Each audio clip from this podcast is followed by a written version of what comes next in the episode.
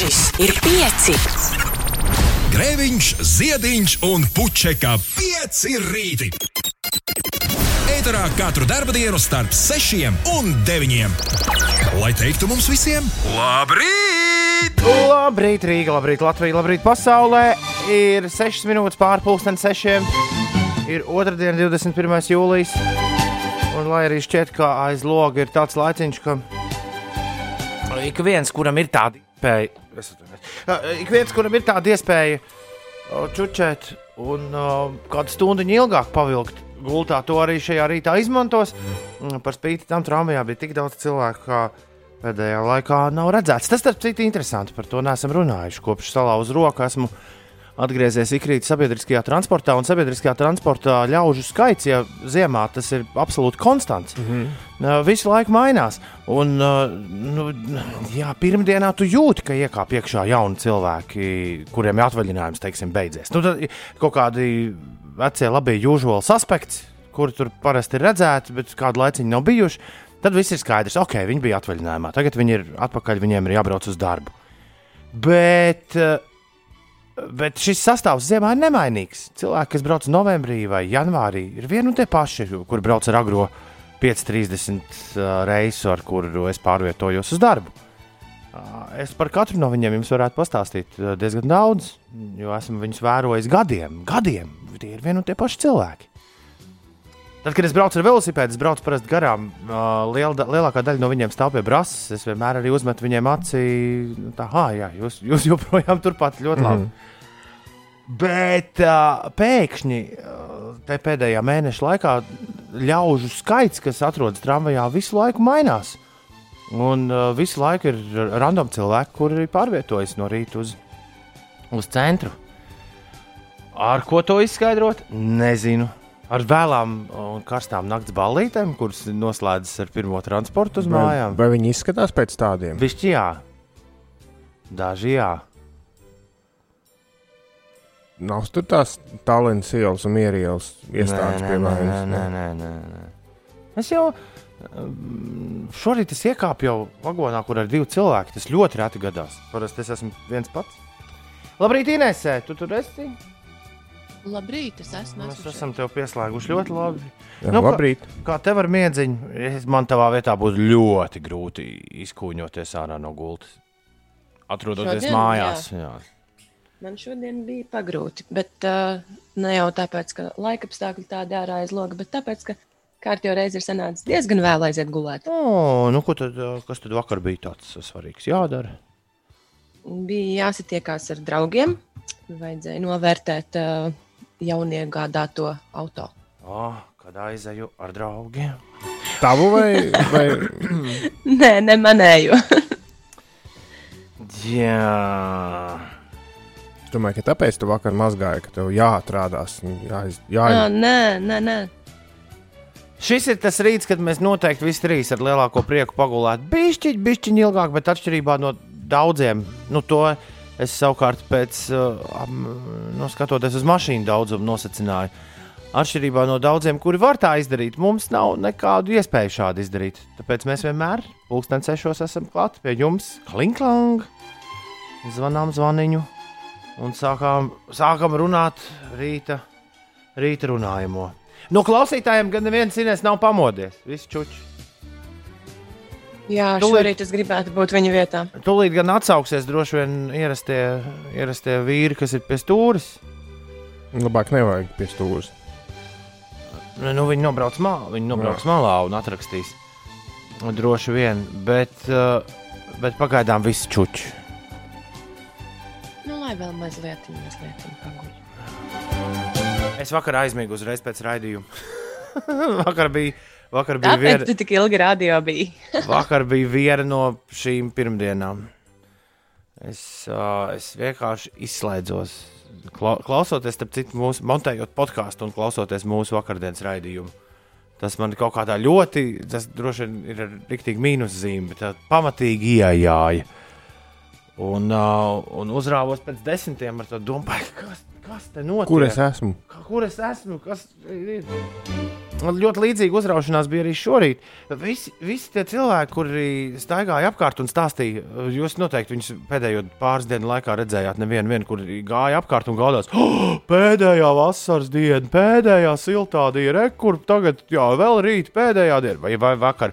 Nu, šodien pēdējā diena, vairāk jau tā. Taisnība jau bija. Jā, jā, bet tajā pēdējā bija tik daudz dzirdams, ka vairāk jau tādu nebūs, ka es šorīt pamodos ar domu, ka Vai ir tieši novembris.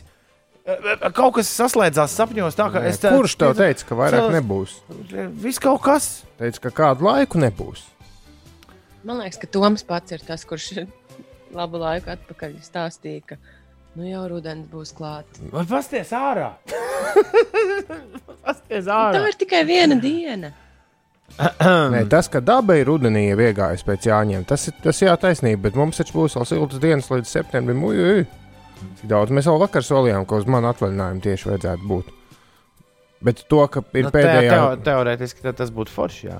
pēdējā siltā diena uz kādu laiku, tas jā. Es, Un tie plus 24 nākamā pirmdiena neskaitās.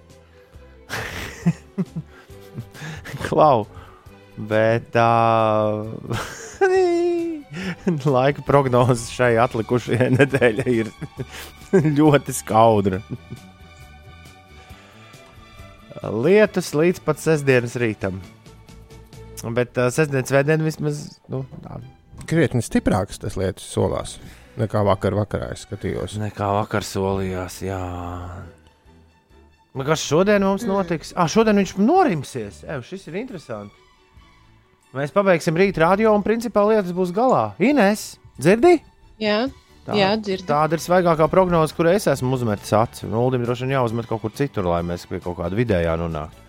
Bet man galvaspilsētā rādio Inesē kaut kur ir jābrauc pēc raidījuma. Nu, Nē, man tāpat ir jābrauc ar mašīnu, jo es esmu tomēr šodien ieplānojis tādā garākā braucienā doties un ņemt savu visu tehniku līdzi. Un tu esi bijis Ineses uh, ciemos sētā. Sētā, jā, es mašīnu Rūtīs skatīties. dzīvoklī tur nav. Mums ab, nevienam no mums nav vietas, es pieļauju. bet bet uh, man arī fascinēja rūtīšu sēta, jo man bija sajūta, Ines, ka tur tikai un vienīgi tavu mašīnu ir iespējams atstāt. Tāpēc es ļoti, ļoti nobrīnījos. Es sestdien no rīta, pirms mēs braucām uz Tukumu, ieraugot tavu mašīnu tavā sētā. Uh, es tev prasīju, vai tev gadījumā citi cilvēki arī neliek tur savas mašīnas, jo nu, baigi nešķiet, ka tur var daudz mašīnu salikt. Nu, daudzi nevar salikt. Kopumā te var salikt četras. Nu, ja labi grib, tad var iespiest arī piekto. Vai jums ir sistēma, sētā. vai jums ir sistēma, kā braukt?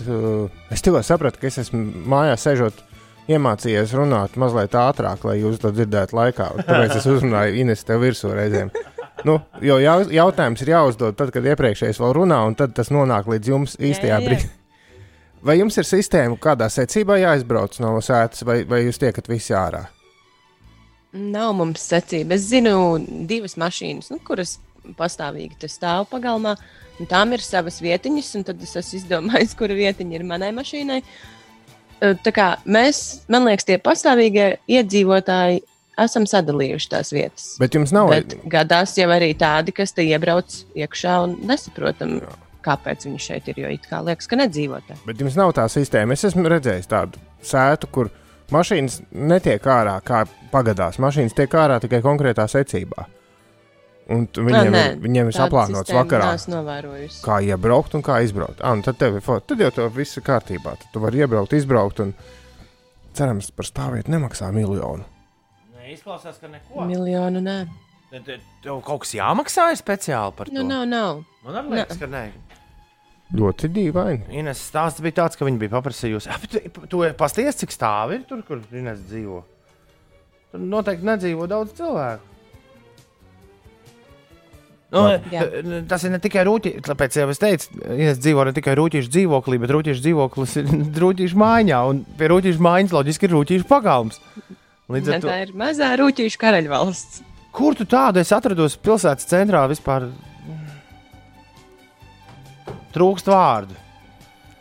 Senos laikos, kad, kad es biju nekustamo īpašumu o, meklējumos, īrējumu, nekad neko tam līdzīgu. es- Nekam tam līdzīgam es neuzdūros. Bet uh, katram jau tas liktenis kaut ko savu vēl. Jā, jā, zināms, zināms tas mums. O, pastāties, Einārs. Ņemiet, lūdzu, visu piemēru no Eināra. Visi, kas tagad čuči pārvēl galvu pāri sagai un Ko? Pārvēl galvu pāri sagai. pārvēl galvu pāri sagai un, un kājas pāri zeķei. Ņemiet, piemēram, no Eināra. Einārs skrien jau no pulksten pussešiem no rīta pa meža parku. Ah, tas ir zēlis. Labrīt, Einār. Sīpola virs no pieciem ir augšā. Signe neguļ, bet gribētu gan gulēt, un ir jau ceļā uz darbu. Dāce ir augšā un atgādina mums, ka tur aiz mākoņiem ir saule. Tas ir visjaukākais, ko tu vari pateikt ļaudīm, jā, lietainā rītā. Paldies par šo dziesmu, kas tagad skanēs galvā kādu laiku. Esmu pamodusies un taisos uz darbu, Ines raksta. Viss kā parasti. Paldies, ka esat un kliedējat sajūtu, ka man vienai tik agri un tumšā rītā jāceļas. Tu nekad neesi vienā, starp tevi un rādio nav siena. Labrīt, te Gunārs no īrijas. Esam kopā jau no pirmās minūtes, lai foršs skanējums. Labrīt, īrija! Iedomājieties, ja īrijā šī tā līst 4,17. Līst. Ai, Gunār, tu esi tik, aug, tik agri kopā ar mums. Laiž uz darbeli, raksta Liepājas Jānis. Panākti drusciņu uzlīs, bet tagad ir fēns rīts. Labu dienu visiem! Arī Iveta no ērgļiem ir autobusā uz Rīgu. Ak, ku smuki saulīte ausa. Ak, kāpēc Inês atkal strādā no mājām? Kaut, kas politiski mainījies. Vakar pļāvu visu dienu zāli. Neko politisku neesmu dzirdējusi. Tur jau tā lieta, ka nav nekas mainījies. Nu, Es pieļauju, ka grūti tam, ja no, ja no malas uz šo visu Man liekas, skatās, grūti ir izsekot grūti tam mums. kāpēc Inês bija pagājušā nedēļa šeit, kāpēc Ulas šonadēļ šeit. Kas te notiek? Nu, kā nu mums laiž iekšā, Ivet, studijā, divi tā tikai. Jo trīs stundas mums ir jābūt. Un ja vienam no mums būs uh, bacils, tad ir pilnīgi skaidrs, ka arī nu, pēc uh, epidemiologa ieteikuma visiem trijiem būs bacils. Tad, ja mums visiem trijiem būs bacils, mums ir daudz lielākas iespējas nekā nu, diviem no mums. Uh, iznā... Vienādi sakot, Iveta mūs nelaiž iekšā studijā joprojām. Patīk, Prietā. kā tev viss ir tādā, tre, mums ir jābūt mūsu laišana. Kā mēs, nā, mēs taču paši to visu kaut kādā ziņā. Protams, ka mēs nākam. Ja mums būtu ja mums būt iespēja parakstīties, ka mums ir pie, pie vēlna tas bacils, un mēs trijotā šeit strādājam, mēs šeit strādājam jau piepriek, divus mēnešus iepriekš, bet mums nav šādu iespēju. Mums ir noteikumi, Radio- kurus mums uzliek uh, vieta, kurā mēs strādājam. Jā, bet tu tiem noteikumiem piekrīti pat. Labi, nesāksim šo. Radio noteikumi. Radio noteikumi paredz, ka šī tik mazā telpā trīs stundas galvenā Nē, atslēga. ir- jūs, Ziediņkungs, sakāt, ja jums būtu iespēja šiem noteikumiem kā pāri, vai jūs to darītu? Kāpēc man vienmēr uz šādiem jautājumiem ir jāatbild? Ja jūs ļoti labi zināt, ka es esmu žuļiks un vienmēr mēģināšu ar biļeti Man otrajā neienāk- balkonā iešmaukt pirmajā rindā. Man neienāk prātā doma, ka noteikumiem var kāpt pāri. Ah, Cik Wow, es Tas- pilnīgi jūtu, kā jūs izbaudāt to, ka jūs šodien esat divi tā studijā. Mēs, mēs jau vakar Tas, ka es vakar nosapņoju, ka Ines ir šeit un, un saka, ah, taču neviens te tik agri nav. Tā ir pilnīgi cita saruna. Bet tas bija sapnis. Bet, nu kā, nē, nu, bet, bet jāsaprot, ka tā atslēga ir tas pats, kāpēc nevaru koncertu un pasākumu, kāpēc bija tērbats cilvēki. Es atvainojos. Mm. Tāpēc, ka mēs esam ilglaicīgi kopā. Un pat ja mēs blandamies un. Nu, nu galvenā jau. Es vakar mēģināju kaut kādā veidā izdomāt, ka ja mēs noformējamies ja kā mājasēmniecība, Nē, ja mēs kā mājasēmniecība noformētos trietā, jo Ah. nu, viesus, viesus noteikti nedrīkst. Bet jā, Ivet, nu, tā doma ir tāda, ka mēs nedrīkstam trietā šeit būt, jo mēs esam kopā pārāk ilgu laiku. Telpa ir maziņa, divi metri nesenāk, uh, tie kvadrātmetrus cilvēku arī nesenāk un tā. Ah, Šitā. Evita ir augšā, laiž uz darbu. Laiks. Evita, kur tev ir saulains laiks? Viņa raksta, ka ir saulains laiks. Evita, kur tu tieši atrodies? Ēdis dodas gulēt, un Maija lūdz, lai mēs pamodinām un uzmundrinām Lienu L. Mosties un rotāties. Viņai šodien ir pirmā darbā atgriešanās diena pēc divu mēnešu atvaļinājuma. Liena L, mosties un rotājies. Es vienu lienu jau pazīstu. Tā Cik ir tā pati liena. Jau. Cik stundas, Laikam. cik stundas diez Lienai L ir nepieciešams, lai sataisītos? Kāpēc stundas? Tāpēc, ka ļoti, es esmu dzirdējis, ka ļoti daudz dāmas taisās ārprātīgi laiku no rīta. Ines, tu viņām visām varētu pasniegt, tā kā Marija Kondo pa- pastāstīja, kā viņam māja jākārto. Tu varētu viņām visām pasniegt kursus, kā var sataisīties trīs minūtēs. Jo man šķiet, ka tu to māki darīt. Trīs minūtēs. Nu, atsevišķās situācijās, jā, bet uh, man liekas, citreiz pilnībā pietiek ar 15. Viss man ir skaidrs, mūsu pirmais video podkāsts. Lūdzu, lūdzu pierakst. Inese Kondo. kā sataisīties milzu ātrumā. rakstu. Ja tā ir tāpat, tā ir tāpat lieta, tad viņai ir kaut kāds sakars ar armiju, un viņa, man liekas, varētu parādīt Inesē arī, kur vēža ziemo. Kā armijas rūdījums. Ines ļoti labprāt redzētu, kur vēža ziemo. Ines man vien rādīja bildi ar vēžiem un teica, Ziemā? žēl, ka nē. Nevar tikt Maisiņā. klāt. Bet uh, ir tas noskaidrots, kur vēža ziemo. Kā zem ledus. ka. Jo par, par to, ka nezinu, Tas neviens, kur zušana ārsto, to mēs tagad visi zinām. Jūs neesat redzējuši reklāmas Rīgas ielās. Tad ir sargas jūrā. jā. Jā. Labrīt, man mājā plus 25, karsts. Nē, es pa logu skatījies, jūtos kā vasarā, bet dzirdot jūsu runas par lietaino laiku, hmm, raksta Valters no Jūglas. Nē, nē, ja jums gadījumā nav lietains laiks, nav tāda sajūta, neliecieties traucēti, mēs drīz par šo beigsim muldēt. No ap deviņiem.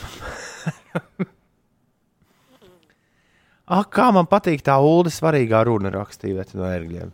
Jā, tāpēc tu biežāk paprasti, kāpēc, kāpēc mēs te divi tā tikai esam. Ērgļos ar saulīti esot traki piecos no rīta spīdējusi, un Evita rūjienā. Un viņai vakar arī nav bijis nepilītis. Nu, super! Labrīt, piecīšu sveiciens Uldim Zviedrijā vakardienas mēneša kāzu jubilejā. Linda no Valmieras raksta, gaidām mājās, lai visiem saulaina diena. Mums līdz šim bija Uldis, kas Somijā dežūrēja pie radioprāta. Izrādās, ka arī Uldis Zviedrijā to dara. Wow! Labrīt, piecīšu no Liepājas. Tā, tā, tā, tas ir tikai vasarā, ka mums liepā jāsāk kļūt vairāk rakstītāju. Labrīt, piecīši no liepājas. Drīz došos uz darbu un apsveicu visus jubilārus dzimšanas dienā, raksta Klāvs. Kā arī sevi apsveicu, jo man šodien ir dzimenīte. Vai varbūt jūs varat uzlikt to dziesmu tev šodien dzimenīti, kurā Uldis dzied kopā ar Aminātu? Man jau likās, ka to dienu nevajadzēja viņu vilkt ārā no plaukta. Nē, šis būs tagad. Tagad visiem vajadzēs. Uh, nu, bet mazu, mazu gabaliņu, ja? Nu, ne, ne jau pilnā garumā. Tev šodien dzīmenīte, ziedārā pienenīte, es mīli tevi sveicu un apsveikumu beidzu. Tev, š- tev šodien dzīmenīte. Kāpēc es guldu gribēju sameklēt, bet tas te nemaz nav tik viegli izdarāms. O, re, kur jūs kopā pienenīte, Yeah. es mīli tevi sveicu un apsveikumu ziedārā pienenīte. Un tagad tikai Uldis. Beidzu. Ai! Kāpēc izklausās, ka tu dziedi caur Skype? Tad, kad es biju caur, tad tā neizklausījās. Tev šodien dzīmenīte, Tiešām. ziet ārā pienenīte. Es mīlu tad tevi apstrāde sveicu speciāli. un apsveikumu Un viss beidzu. kopā tev šodien zīmē. Jā, jā. Daudz laimes dzimšanas dienā, Klau. Uh, Siguldas Edgars Latvijas klimatu labprāt noregulētu uz plus 20, mainīgu mākoņu daudzumu, lietu pēc pieprasījuma, kā arī ūdeni ezeros uz 25 grādiem. Viņš prasa, kurai iestādē rakstīt iesniegumu. Svētdien uz baznīcu vajag piestaigāt. Un vēža ziemo aliņās. Ko? aliņās. Mazās aliņās. Tā kā krastā kaut kur? Jā, nu, zem ūdens, bet tādās aliņās. Satais un tur sabāca visu kaut ko priekšā, un vecas lapas un ko.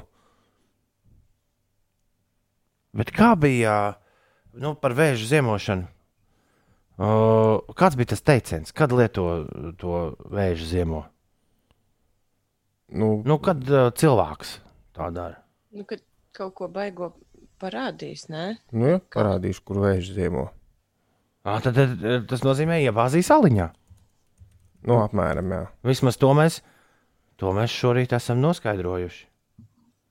Nu, Tas, nu, nu, tad, kad tad, tev draud ar kaut kādu sodu. tā kā. Skaidrs. Iveta ir bildes atsūtījusi tā kā no Lion King plakāta. Jā, ērgļu Kur jūs ceļš. atradāt? O, man jā, viņa ir atsūtījusi Instagramā. Instagramā bildītas. Ah, Es aizsūtīšu tev viņas. No ērgļu ceļa pavērs tāds skats kā jā, lauka karalī. Mēs te galvaspilsētā vienu laikam mirkstam. Tāpēc eh, vispār, ja, kas mūs klausās zaļā dabā vai, vai, vai kādā ne, eh, galvaspilsētā, bet citā lielpilsētā, neņemiet galvā. Neņemiet galvā. Un arī galvaspilsētā eh, pamodīsies tie, kas guļ līdz 11. ieslēgs podkāstu un nevarēs saprast, par ko viņi te runāja. Nu, vismaz tā pagaidām rāda prognoze. Ka tā tam būs būt. Eh, 6,29. Today very lucky. Congratulations me! Yay! Esam visi satikušies vienā very lucky day. Šodien, otrdien, 21. jūlijas, Meldrai, Meldrim un Melisai ir vārdu svētki. Un aiz loga līst. Šodien austrumos, daudz vietā rietumos, vietām lietus, pērkona negaiss, lēns līdz mērens rietumu puses vējš, negaisa laikā brāzmās līdz 15 metriem sekundē. Maksimālā gaisa temperatūra šodien plus 18, plus 23, Rīgā plus 20, plus 22 grādi. Vakar bija baigā krusta, vietām bija baisa krusta. Dažviet, jā, ogrē bija krusta. Braucot, man liekas, uz uh, Siguldas šosei. Pa Siguldas šosei bija krusta. Nu, Traki, traki. Kaut kur tādā pusē. Bet šodien tāda pasaulaina jauka diena mums te rādās un lēnām, lēnām top. Nu, lai iztop. Ja? Nu, jā, vienīgi rītdien atkal sāks līt. Tad prognoze ir tāda, ka līdz sestdienas rītam galvaspilsēta būs lietaina, bet tas sestdienas vēdienā būs smuka. Jā. Nu, nav, nav bēdu bez, bez priekiem. Nu, ir baigi jāpaveic, lai būtu tiešām saulainas Rīgā. Bet uh, tie mākoņi kļūst plānāki pēc kaut kādām dažām stundām. Krietni plānāki. Labi, uh, Ines piefiksēs šo rīt, parunāsim. Bija šodien saulains vai nebija? Nē, es skatos uz reāliem mākoņiem, nevis uz prognozi. Ah, Tas ir tas, tas ir, tagad ir tikai vienkārši paskaties, kā, kas tev nāk virsū, un tu sapratīsi, būs mākonis vai vai nebūs. tu jau nezini, kurā mirklī tas vējš uzpūtīs no citas Nu, puses? viņš tur tā diezgan loģiski iet. 6 un 31 minūte. Kā vienmēr. Pēc laika ziņām jāsaka, tici, kam gribi. Jānis raksta, ka ACDC Austrālijā tiek dēvēta par akadaka. Tam es gan tā neticu. Uh, Bet uh, Jānis tagad tā arī saka, nu ļoti labi, Jānis. Tā, tā arī saka, un tā tik bliežam uz priekšu. Uh, Labrīt! Šeit 5 rīti, 293, 1202 ir tālruņa numurs šeit studijā. Ja tu vēlēsies ar mums stāties kontaktos, dari to! Kontaktos gan ar mums var stāties tikai divos veidos. Ļoti tādos um, klasiskos. Tu vari mums piezvanīt, vai arī tu vari atrakstīt mums veco, veco labo SMS, short message service. 293, 1202. Toms Grēviņš, Ulrichs Ziedņš, Ines Puček kopā ar jums. Jā, un ir, DJs, trombonists un uh, kliņš kāpēji. jā, un Jānim ir taisnība. Es īsi tiešām Austrālijā sarunu valodā sauc par akadaka. Akadaka. Let's go to see Akadaka! Wow! Šo es nezināju. Tam ir kāds skaidrojums?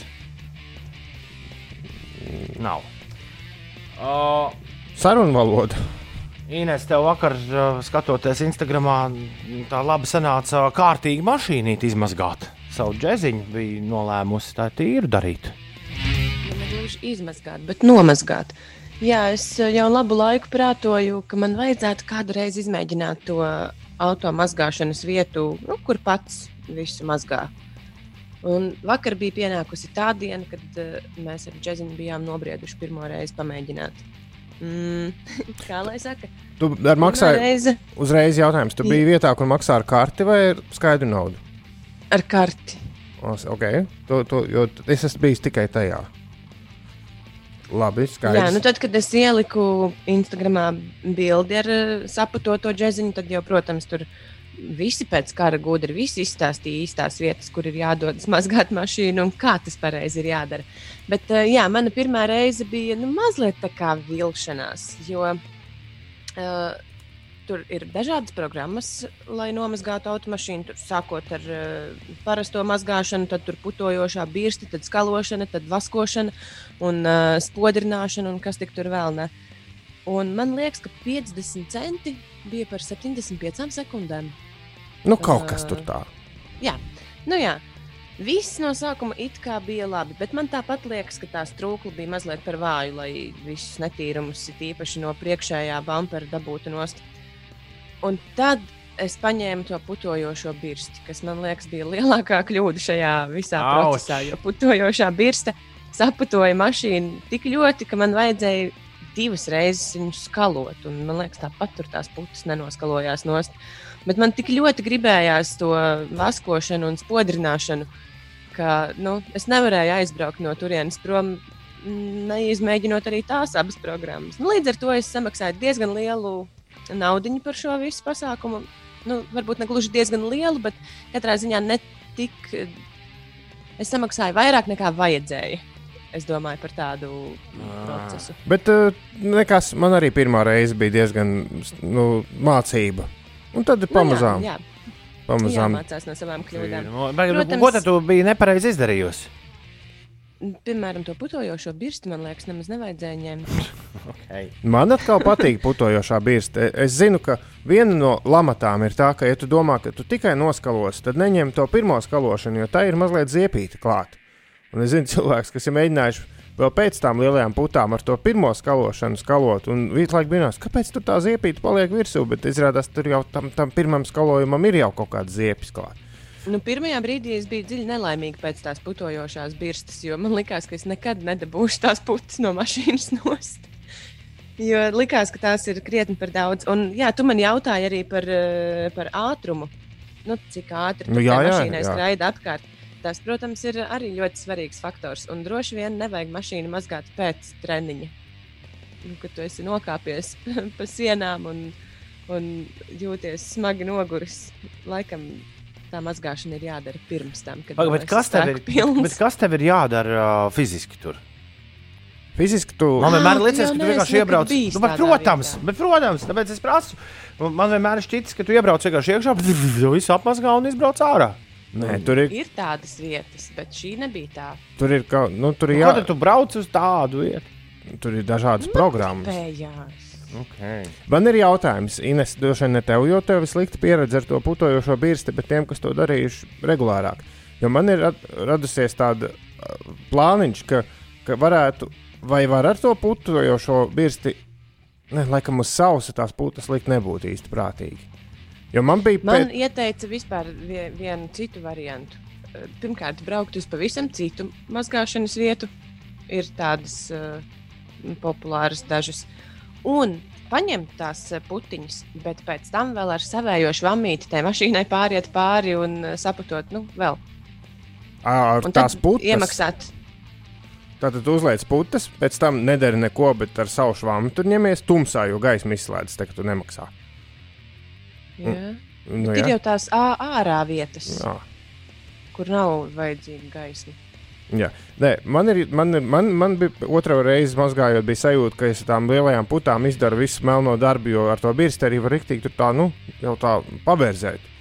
Un tad atliek tikai ūdens, bet man ar vienu skalošanas reizi nepietika. Tur vajadzēja tur pavairāk. Ines Agris tev Bet ir mazliet smieklīgi. eh, Nu, tā skraidīšana apkārtēji mašīnai maksimāli ātri. Ines tev agresīvi ir atrakstījis padomu. Viņš raksta, Ines, es parasti par 50 centiem kārtīgi saputoju, un tad pēc kādas minūtes nomazgāju. Un mēģinu iekļauties 3 eiro, un mašīna man nav mazā šmolā S60. Putojot, birste ir pati labākā. Nu, nezinu, var jau būt. Nu, man varbūt tas tāpēc, ka man mašīna nebija nemaz tik ļoti netīra. Man vienkārši priekšējais bumpers bija viss ar eh, Sienāžiem knišļiem veiktiem, jā. un diemžēl tos tā arī līdz galam nedabūju. Ah, redz, Jānis atbildēja, ka tā birste, kas tās lielās putas, var būt kā smilšpapīra. Nu, viņi var tiešām krāsu sabērst. Aha. Tā ir bezkontakta mazgāto. Ar švamīti nedrīkst, bet es ar švamēju naktī. Raksta Gins. Bet, Gint, ja nevar nomazgāt, ko tu, tu maksāsi naudu? Un, Bet tad jau brauc, ar brauc ar savu savu leikaniņu un, un tikai tās putas, un pēc tam Vispār braucot mājās, es pukojos, jā, jo es domāju, hm, laukos es trīsreiz labāk nomazgāju un pavelti mašīnu. Wow. Bet uh, prieks, ka tu to izdarīji pirms lietus. Jā, Īpašs sveiciens Krapis Rēnim. skraps Rēni. Viņa rīt, sestdien no rīta, braucot uz Tukumu. Nē, tas jau bija apakaļ braucot. Nu, vienmēr sakot, mēs noskrējuši tos savus 11 ki- stirnu būku kilometrus ar Inês. Abi divi kāpjam atpakaļ džeziņā, un man telefons izlādējies. Man jau redz, moderns telefons gadu novilcis bateriju čupā. Nu, nezinu, cik stundas ar pilnu bateriju spēja funkcionēt kā vajag. Bet man telefons ir izlādējies, kas ir pilnīgi normāli, jo nu, jau stundas četras prom no mājām. Tā Uh, spēlēsim tagad mūziku no Ineses telefona. Jo vispirms Ines iekāpjot džeziņā, teica, ka man tagad ir jādīdžejo. Un turpceļā es biju. Uh, DJs atpakaļceļā Ines man iedod savu telefonu. E, uzspēlē kaut ko, uzliec mums kaut ko. Mm -hmm. nu, tādu foršu skatos. Nu, Ines, kas te tev tur ir? Nospiežam play un atskan. Protams, ka šis.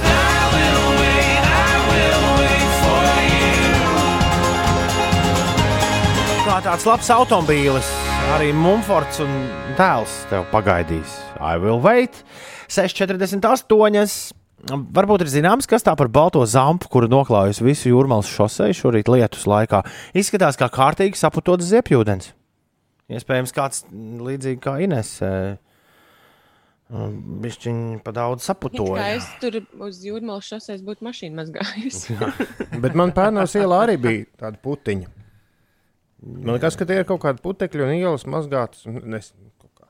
Jā, Varbūt Es gribu mazliet kliedēt Māra uh, aizspriedumus. Tagad raksta, es sapratu, kāpēc. saprotu, jā, kāpēc meitenes tajās Jā. mazgātuvēs ir ap pusstundu. Māra šī man bija pirmā reize uh, tādā mazgātuvē, un es domāju, ka ir citas meitenes, kas šo lietiņu prot izdarīt krietni ātrāk par mani. Bet es iemācīšos. Talking about the car wash, car wash, a big fun of car wash. Ines, ā, tu toties māki minūtes laikā vienmēr mums izstāstīt, kas notiek. Dari to tagad! Vispirms sāksim ar sporta notikumiem. Nevienam no Orlando esošajiem basketbolistiem pēdējās nedēļas laikā nav konstatēta inficēšanās ar covid-19, tā ziņo NBA. Nacionālās basketbola asociācijas sezona atsāksies 30. jūlijā ar 22 komandu līdzdalību Orlando, un jau šajā trešdienā komandas aizvadīs pirmās pārbaudas spēles. Par pašmaiņu notikumiem Latvijas hokeja speciālists Pēteris Skudri ir iecelts par Rīgas dīnāmo galveno treneri. Tā pavēstīja eh, kontinentālās hokeja līgas klubs un Latvijas futbola virslīgas vicelīderi RFS eh, pārvilinājusi Daugopils uzbrukuma līderi Činonso Offoru. Tā nice. informē galvaspilsētas klubs. Jā, nāc. viņš šo sezonu Daugopils komandas sastāvā astoņās spēlēs ir guvis četrus vārtus, eh, padalījies ar trim rezultatīvām piespēlēm un septiņas no astoņām cīņām viņš ir spēlējis no zvana līdz zvanam. Paskatās, cik izturīgs eh, futbolists. Un eh, vēl par eh, tādiem pašmāju notikumiem. Valsts policija ir sākusi administratīvo lietvedību par iespējamiem pārkāpumiem Tērbatas ielā tās atklāšanas dienā. Pārbaudē vērtēs pasākumu pieteicēju atbildību. Iepriekš pausts, ka pasākuma organizatori ir Rīgas domas izpildu direkcija, taču vēl noskaidros, kura no visām izpildu direkci Ah. tad īsti ir rīkojusi pasākumu. Ah. Nu, labi. Lai tik skaidro. Pirms mēs sākam džēzu, es gribēju vienkārši ātri piebilst, ka es vakar vaicāju, vai manas sestdienas uzstāšanās uh, vidzemes tirgu ir atcelta. Nu, tas tā kā, domāju, nu, jāpārliecinās. Jā. Jo nu, šķiet, ka jā, ir. tā ja jūs domājat, ko pasaka vēders priekšā. Jo tā ir nosaukta par Tērbatas ielas uh, zonu, ne, kā tur bija. Otrā zona. Otrā vai kaut vai- kāda vai kas- skatuve vai kaut kas tāds. kas tur ir. Uh, Bet man atbildēja ļaudis, kas, kas mani angažēja uzstāties sestdien. Ļaudis atbildēja, ka nē, gaida rītdien. Rītdien būs oficiālā ziņa, pagaidām nekas nav atcelts. Tālāk. Bet pie mums šeit, agrā rītā, bez 9, 7, pavisam noteikti nav atcelta rubrika, kuru sauc Džezā. Tikai Meitenes! Pasaka vēlreiz, meitenes. Meitenes! Ļoti labi. Jā, džazā tikai meitenes. Meitenes. Tagad rakstītu kādam, ā, nu, kā šo izrunāt latviešu, kādam ārzemniekam, tad ir, es nezinu, kā tur ir džazā tīkai, ja, tīkai, tīkai, un tad meitenes. Maintenance. Meitenes, meitenes. jā. Jazz or tikai meitenes. Šodien meitene pie mikrofona. Meitene, kur mēs nekad neesam spēlējuši. Kāpēc? Kāpēc es jums jautāju? Nav atbildes, kāpēc tā. Viena no dāmām, kur man šķiet, vismaz manā atmiņā, bija viena no pirmajām, kas pēkšņi kādā Grammy balvu pasniegšanā uzrādījās no nekurienes. Nu, tā kā visi tur gaida, ka dabūs Britnijas Spears un Justina Timberlake balvas, tad pēkšņi, un pēc tam tas atkārtojās ar vēl daudziem citiem. Arī citos žanros, bet pēkšņi vienā gadā Esperança Spalding dabūja kaut kādus trīs vai četrus Grammys. Un no tā brīža viss prasa, kas ir tā Esperança Spaldinga? Un internetā joki panesās. Kur tad tāda te uzradusies? Esperança Emīlija Spaldinga ir amerikāņu džēza basiste, dziedātāja, dziesminiece un komponiste. Uh, Daudz viņai Grammy, Boston Music Awards, Soul Train Music Award. Vienmēr sakot, 35-gadīga džēzmene, kur elpo un džezo tieši šobaldien. Starp citu, neesam no kāda laiciņa jau dzirdējuši neko jaunu no Esperances. Viņas svaigākā plata iznāca 2018. gadā, 12 Little Spells. Bet skaņdarbs, ko es vēlos jums nospēlēt šorīt, Uh, ir ļoti atbilstošs tam, kā aiz loga, tā, tām situācijām, kā aiz loga bišķi pakšķi lietus, un it kā ir jāsteidzas, bet tomēr negribas nekur steigties. Šo uh, skaņdarbu esmu atradis uh, izlasē, kur sauc Disney Jazz Volume 1. Everybody wants to be a cat. Un no Disney multfilmām, no Disney mūzikliem ir uh, vairāk džekmeņi saspēlējuši visu kaut ko. Uh, daudz nezinām, bet uh, arī Joshua Redmans un Deivs Brūbeks iekšā šajā diskā. Un Esperança Spaldinga dziedumu man tā šķiet, ka speciāli priekš šī diska iedziedājusi, cik no es esmu veicis izpēti. No Mērijas Popīnas uh, dziesmiņa, kur, ja nemaldos, skursteņš lauķis dzied. Čim, čim, čirī. Esperança Spaldinga. Džezā tikai meitenes.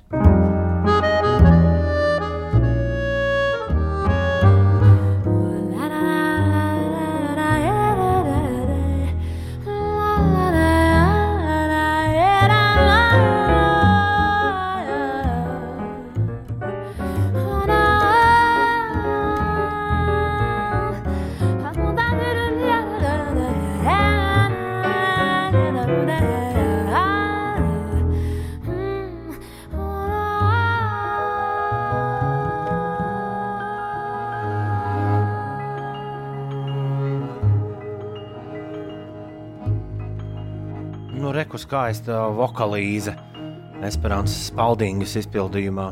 Čim, čim, čurī, čim, čim, čurī, čim, čim, čurī. Tāds ir tas skursteņš Es lauķis. neesmu dzirdējis. Orģinālajā. Es Tiešām neesmu, ne? es neesmu redzējis, man šeit veco Mēriju Popins. Es pat teātrī esmu bijis uz uh, Mēriju Popinsu reizes uh, Vestendā. Oh, pat uh, Lūija Armstrongs ir iedziedājis Čim, čim, čurī.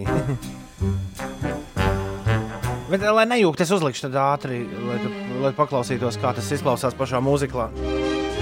Diks Van Daiks un Julija Andrews. Chim chimney, chim chimney, chim chim chiree. A sweep is as lucky as lucky can be. Chim chimney, chim chimney, chim chim chiree. Good luck, we're above when I shake hands with you. Un šādi izklausās oriģināls skaņdarbam, kur šorīt mēs dzirdējām Esperances Spaldings izpildījumu. Es gan to klausoties, sapratu, ka man visvairāk laikam patīk akord, akordions, un tas garais akordions solo. Kas to šajā versijā iespēlēs, to diemžēl mēs nezinām. Džezā tikai meitenes Esperances Spaldings, čim čim čirī. Šajā rītā Ines to vēl nomodā, halo, kuku. Jā, es noklausījos tavus kursteņus lauķu dziesmu. Nu, ne, pilnīgi uzreiz sajūta, ka ar roķīšu mājās kurstens izstīrīts, vai ne? Jā, Kaut kā palika bez atbildes. Labrīt, ir. Ar. Jā, es tā sapratu. Jā. Ir otrdiena, 21. jūlijas, ir 2020. gads. Tavā radioprātā skan Latvijas radio 5,5 LV. Šis ir radījums 5 rīt. Uh, Radījums, kurš eksistē no 6 līdz 9 katru rītu radioaparātos, vis, mašīnās pa, visām, pa visiem Latvijas ceļiem, kurus brauc. Un dažās virtuvēs. Un dažos benzīntākos aplausos aplaus visos, visiem benzīntāku darbiniekiem, kuriem pietiek prātā. Nezinu, cik tā ir pūkstens, bet es Jā, ne, kurš, kur, kur, kuriem pietiek prāta uzslēgt normālu radio no rīta? Paldies jums liels! kur neskan citu benzīnu tanku reklāmas, kas Jā. zīmīgi. Jā, jā. Ā, mūs var dabūt arī podkāstā, e-punkts uzslīpstīt podkāsts un 24 stundas diennaktī šis raidījums uh, skan rītī 5 LV. Paldies, ka mūs klausies! Izskatās, ka mums būs lapjais festivāls. Juhu! Nu, un arī tērba ciela būs kād, kādas pāris dienas tagad slapja. Bet vakar vēl sausā tērba cielā labos tādos gandrīz plus 30 grādos. Uldis, izla- mēs lēnām atskaitām, atskaitāmies. Es esmu vienīgais, kurš nav bijis. Es biju toreiz, kad viņi pirmo reizi eksperimenta kārtā izslēdza nu, ielu. kā Jā. tādu. Lūk, mēs pārējie nebijām. Tad. Bet, bet es neesmu bijis tagad, kad tur var sēdēt kafejnīcās uz ielas. Bet, jā, Ines jau pirmā izķēmēja krustu šķērsu, tur visu, un, un to jūs varat meklēt vakardienas raidījumā, kāda bija Ineses iespaidi tajā trakajā vakarā, kad karnevāli jūs neievēroja divus metrus ar visiem pārējiem cilvēkiem kopā. Bet, uh, Kā pēvērt? jo, tas bija joks. Tas, tas, tas bija joks manā gaumē. Viņi Kā jūs- vienīgie Ko ievēroja. jūs darījāt, kad mums nebija studijā, Ines? Kā tu tiki galā ar šo? Uh, Tātad, Gāja. karnevālī jūs viss bija kārtībā, viņi arī aicināja publiku ievērot. Tas, bet kā vakar teica viena dāma, tu, tu nostājies divus metrus, un tev momentā tajos divos metros sanāk vēl tri, divi cilvēki. Jo tā ir nu, nu, jā. cilvēki stāvot koncertā, to tulko kā brīvu vietu. Vajag ekrānus. Mēs jau vakar par to runājām. Bet pagaidi, Ulas vakar izgāja cauri visai tērba cielai no A līdz Z secinājumi. Secinājumi tādi, ne, tur ir ļoti daudz galdiņu, kas nav ne pie vienas kafejnīcas. Nu, vienkārši Tu vari vienkārši paņemt kaut kādu ņēmumu un iet Jā, un apsēsties. veikalā. Un tur ļoti daudz cilvēku to darīja. Bija cilvēki, kas strādāja. Tāda kafejnīcas galdiņa tur vispār ir diezgan maz. Lie- Lielākā daļa ir tie, kas ir vienkārši tur nu, nesaistīti ar kafejnīcām. Galdiņi arī ar saules sargiem un kot, kokiem. Un uh, ļoti daudz cilvēku tur sēdēja, pusdienoja, dzēra kafiju, strādāja. Un tie nebija turisti, kuri bija atnākuši. Paskatīsimies, kā tad beidzot ir darbats ielā. Tie bija reāli Rīgas iedzīvotāji. Līdz ar to secinājums viens, tas ir forši un tā vajag. Turisti, e- e- es vēl vakar speciāli gāju caur vecrīgu, domāju, salīdzinoši nav turistu daudz. Nu, nav. Nu, nav, nav, bet, Nu, nav. bet viņi arī uz tādu darba cielu neies, jo īsti jau tur ko darīt nav. Nu, tā. Ja tu ej kā turisma ekskursijā, nu kā tā ir iela, tur ir kaut kāda veikala, kafejnīca, salikti zaļumi, podi un galdiņi. Tur ir ko darīt. Tad, ja tu dzīvo Rīgā un tev, te- tev noder tāda vieta, kur apsēsties ar savām pusdienām, ar uh, veikalā, turpat nopirktām vai kafijas krūzi, vai vienkārši pasēdēt, pastrādāt. Un man ļoti patika, ka lielākā daļa cilvēku tāda arī bija. Nevis staigājām brīnījās, oh, kā tas tagad ir, kā tas tagad ir. Bet nē, uzreiz jau ir sajūta, ka tā iela rīktīgi noder šobrīd. Nu, tāda iela. Un uh, kā tu kaut kur rakstīja, ka, ja tu taisi uh, gājēju ielu, nu, tādu kā gājēju ielu, nu, kā ir. nu, Atcerieties, ārzemēs visās pilsētās, tā, kad pirmo reizi aizbraucu uz ārzemēm, visās pilsētās vienmēr ir tāda viena gājēja iela, tāda, nu, Jā, jā, jā. jā, uz jā. kuru jāiet. Nu, Vai arī ir- kur tu pats aiz, tev uzreiz aizplud, ai- aizpludini uz turieni? Es atceros, ka es pirmo reizi. Traumi aiznes. Es atceros, ka Stoho- Stokholma ir ļoti labs piemērs no centrālās stācijas. Ja, jo visticamāk, tu nonāksi, ja tu neies ar kājām gluži no kuģa piestātnes, tad gribot, negribot, tu nonāksi centrālā stācijā. Un no centrālās stācijas tu bišķi paēdi, tu skaties, ah, tur ir, veik, tur ir veikali, tur ir dzīve. Tu paēdi divus kvartālus uz priekšu, un tev uzreiz tā gājēja iela vienkārši ieraujas traumē, un tā arī aiznes līdz vecpilsētai. Nu, jā, un kā rakstīja Misters Arhitekts Twitterī, re, kur es atradu ziņu. Jā, jā, jā. Uh, nu, gājēji ielas uh, piesaista milzīgos ārzemju veikalu ķēdes, milzīgās un turistus. Un vietējie iedzīvotāji no tām bēg pa gabalu. Līdz ar to gājēji iela. Bet man prieks, ka vismaz pēc vakar redzētā, ka tā ērbats iela tiešām ir izveidojusies par cilvēkiem draudzīgu ielu, nevis par, par uh, tādu tipisko turistu gājēju ielu. Un To jau vēl nevar zināt. Vai Šī jau bija 2020? kura trešā diena ielai. Bet, Bet bet, bet neaizmirsīsim 2020. arī gadā par, par- turismu runāt. Ir, tā kā runāt par uh, tiem vēžiem ziemā. Nē, nē, bet par pašu principu, ka vakar es vienkārši redzēju, ka tā iela tiešām noder, ka tur cilvēki sēž un dara savas ikdienas lietas, nevis, nevis nāk un turistojas. Rūpjas distancēšanās pārkāpums tu nemanīji. Nu, nē. Tad labi.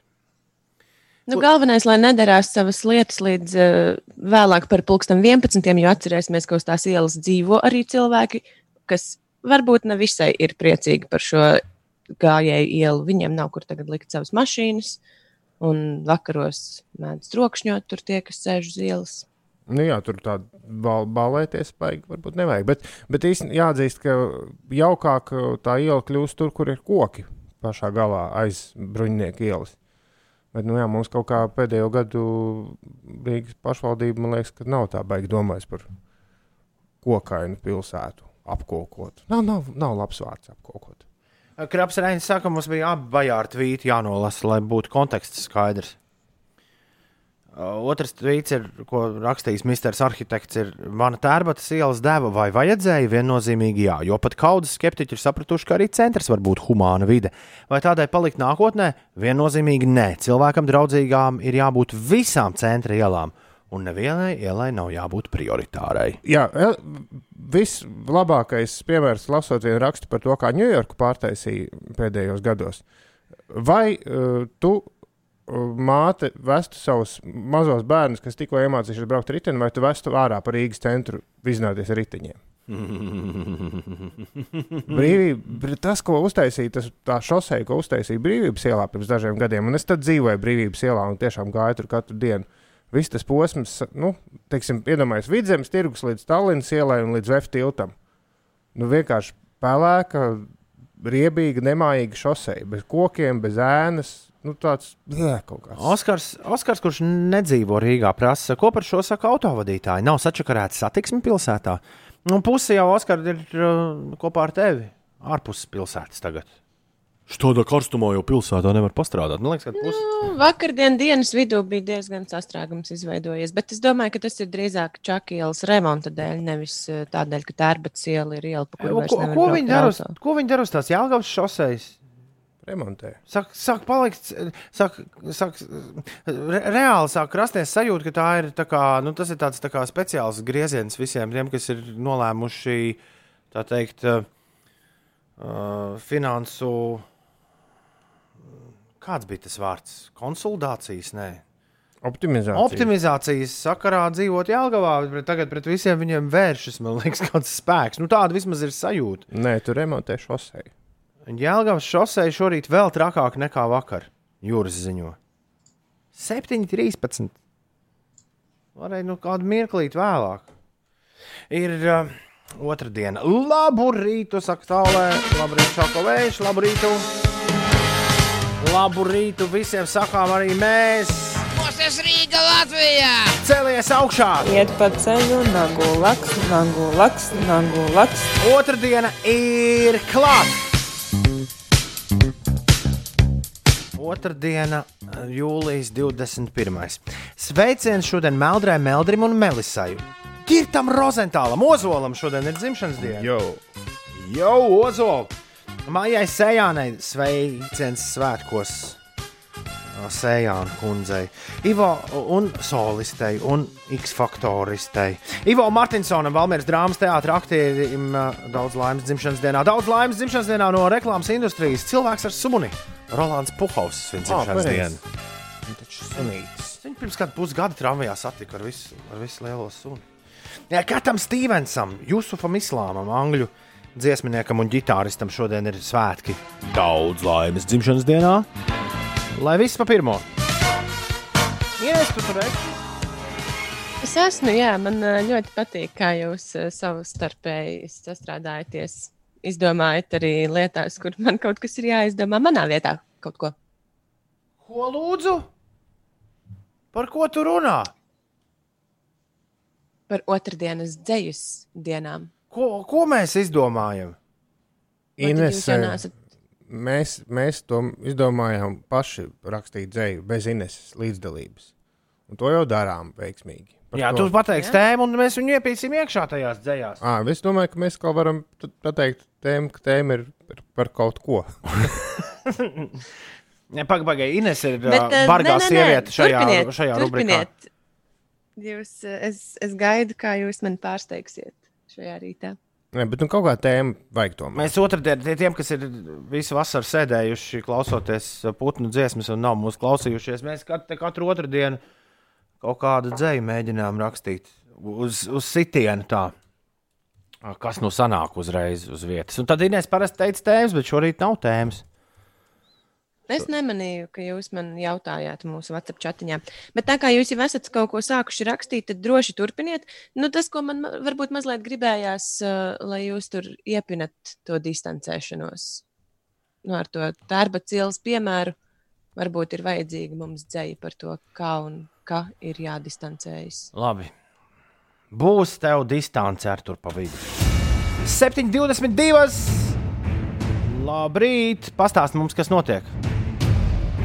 Eiropas Savienības dalību valstu līderi šorīt ir beidzot panākuši vienošanos par ekonomikas atvesaļošanas fonda izveidi, lai finansētu izkļūšanu no Covid-19 pandēmijas radītās ekonomikas lejupslīdes. Eh, Panāktais kompromiss paredz, ka fondā tiks ieguldīti 750 miljardi eiro. Savukārt nākamajam Eiropas Savienības budžetam atvēlēs vairāk nekā 1,074 triljonus eiro. Tā ir šodien pavēstīts. Vienošanos izdevies panākt tikai pēc četras dienas ilgušas eh, kaulēšanās. Jā, tam tikai nedaudz pietrūka, lai pārspētu līdzšinējo Eiropas Savienības samita ilguma rekordu. Tālāk šī vienošanās prasījusi četras dienas. Um, par situāciju uz autoceļiem Rīgā izskatās, ka nu, nekāda sastrēguma šobrīd nav. Brīvības ielā posmā no Pērnavas ielas līdz Tallinas ielai jākavējas gandrīz 4 minūtes. Tas arī viss. Savukārt uz Jelgavas šosejas, tas no Dalbas līdz Jaunolainē braucot Rīgas virzienā, tur gan ir 17 minūtes. Tā vismaz veids man šobrīd eh, rāda. Par laikapstākļiem šajā dienā daudz vietā Latvijā īslaicīgi līs. Vietām galvenokārt valsts austrumu daļā gaidāms pērkona negaiss, arī plašākas lietus gāzes būs austrumu novados, bet gaisa temperatūra plus 18, plus 23 grādi. Galvaspilsētā saule joprojām nav. Bet arī nav, Rīgā uzspīdēs saule, bet gaidāms arī īslaicīgs lietus. bet nav sajūta, ka šobrīd vēl līst. Man vismaz tajā aiz loga doma laukumā. Kā citur? Prezidenta kandidāts un viņa labākais draugs Kanye West un Travis Scotts ar Washes in the Blood. Man ir sajūta, ka beidzot Kanye visu sačakarēs ar to, ar to prezidenta lietu. Jo Kādā ziņā? Kanye, es esmu jums to stāstījis. Tikai no visiem tiem miljoniem stāstu, ko esmu stāstījis, noteikti šis ir. Pa, Uh, šis ir kaut kur pazudis. Es Kanijā redzēju pirmo reizi koncertā, šķiet, 2005. gadā. Tātad pirms 15 gadiem. Un, eh, tas bija bijis vis, dīv, viens no dīvainākajiem koncertiem, kādu es jebkad esmu redzējis. Jo Jīziņš visu laiku, te, nu, nu, es zinu, ka tas salīdzinājums ir ļoti. Ļoti prasts un tieši, bet, bet, bet tiešām bija sajūta, ka viņš visu koncertu viņš spēlēja Ulriča simfonisko orķestri. Viņam bija tūri ar uh, simfonisko orķestri, viņam bija tāda plata late orchestration, kurā viņš plata late registration spēlēja ar orķestra oranžijām. Un, tas nav baga orķestris. Viņi sāk spēlēt, izskrien īziņš, norauj tur savu trūda vāju vai, vai kuru hitu. Un aizskrien prom. Un uz trīs minūtēm atstāja visus. Un tas orķestris tas saskatās, tagad nezina, ko darīt. Viņi spēlē tādus tā kā iestarpinājumus un domā, nu, ka, kas nu būs. Un pilnīgi tāda sajūta, ka pēc katras dziesmas īziņš uz kādām trīs minūtēm aizskrien degunu nopūderēt. Un atskrien pakaļ un jā! Tā mēs arī nu, gudrāki nepalikām to stundu stāvot Roskildes pļavās un skatoties uz to, kā viņš ņēmās. Vienmēr sakot, jau toreiz pirmā iepazīšanās ar Kaniju bija skaidrs, ka šis, šis nav, ši, šitam čalim nekas nelīdzinās. Viņš, viņš dara kaut kādu savu lietu, kurai nav nekāda sakara ar visiem citiem. Uh, un viņš ir vairāk kārt kopš šo 15 gadu laikā izdarījis savu lietu, un uh, tikai un vienīgi viņa popularitāte ir augusi. Bet es neticu, ka politika ir kaut kas tajā līmenī, ka politika ir kaut kas cool. Un ka ļoti, ļoti, ļoti daudz cilvēku teikt, oh, jā, forši, ka Kanjē kandidē, būs prezidents. Neticu. Neticu. Jā, iedomājieties, Bet nevienam- Donalds Trumps kandidē.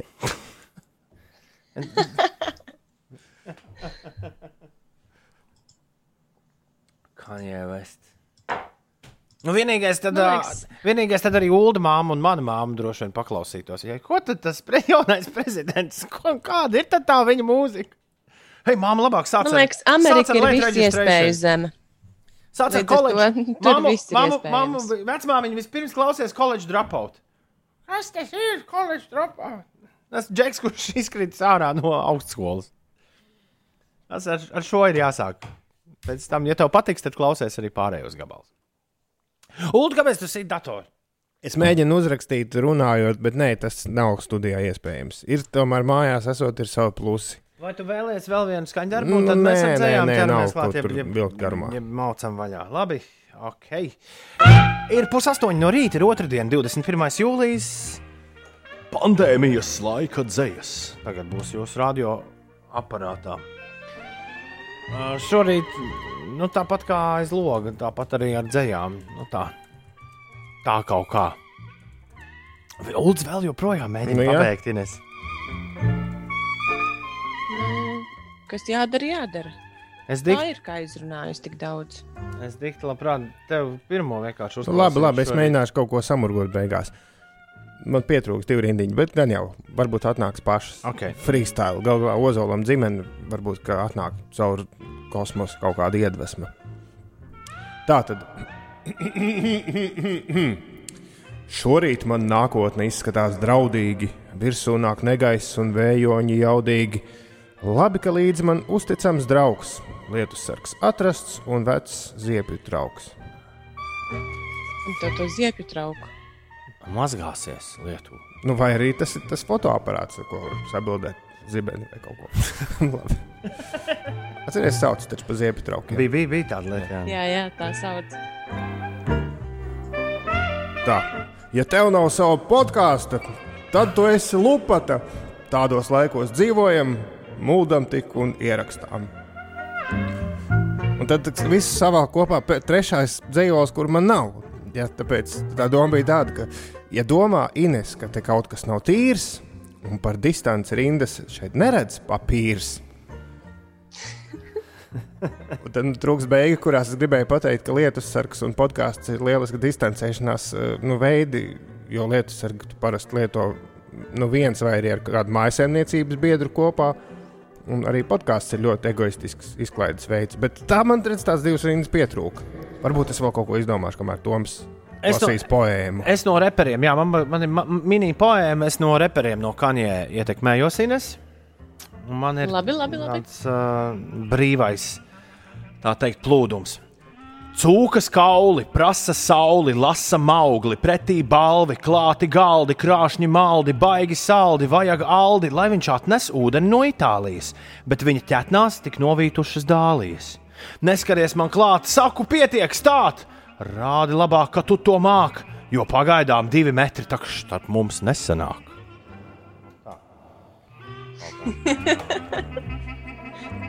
Galvenais, ka vajag Aldi no Itālijas, lai atnes ūdeni. Nē, viņš ir. Uh, viņš ir oficiāls Aldis. Es, Es... Tad, tad, tie- nu kā, tad, kad kroks grib pārdot, eh, pelnīt uz ūdeni, tad viņi dod dārgu ūdeni no Itālijas. 4,50 pudelē. Pašizmaksas droši vien 80 centi. Jā. Vēl pirms Toms sāka rakst, la- lasīt savu dzējoli, es izdomāju īsu divrindu par vārdu poēmu, bet uh, tagad sanāks, ka es to par tevi tā kā. Bet tas Jā. nav par, es to izdomāju jau pirms tu sāki Labi, lasīt. labi, viss skaidrs. Jā. Domāju, sanāks man poēma, bet nē, tur man skatīts pavēma.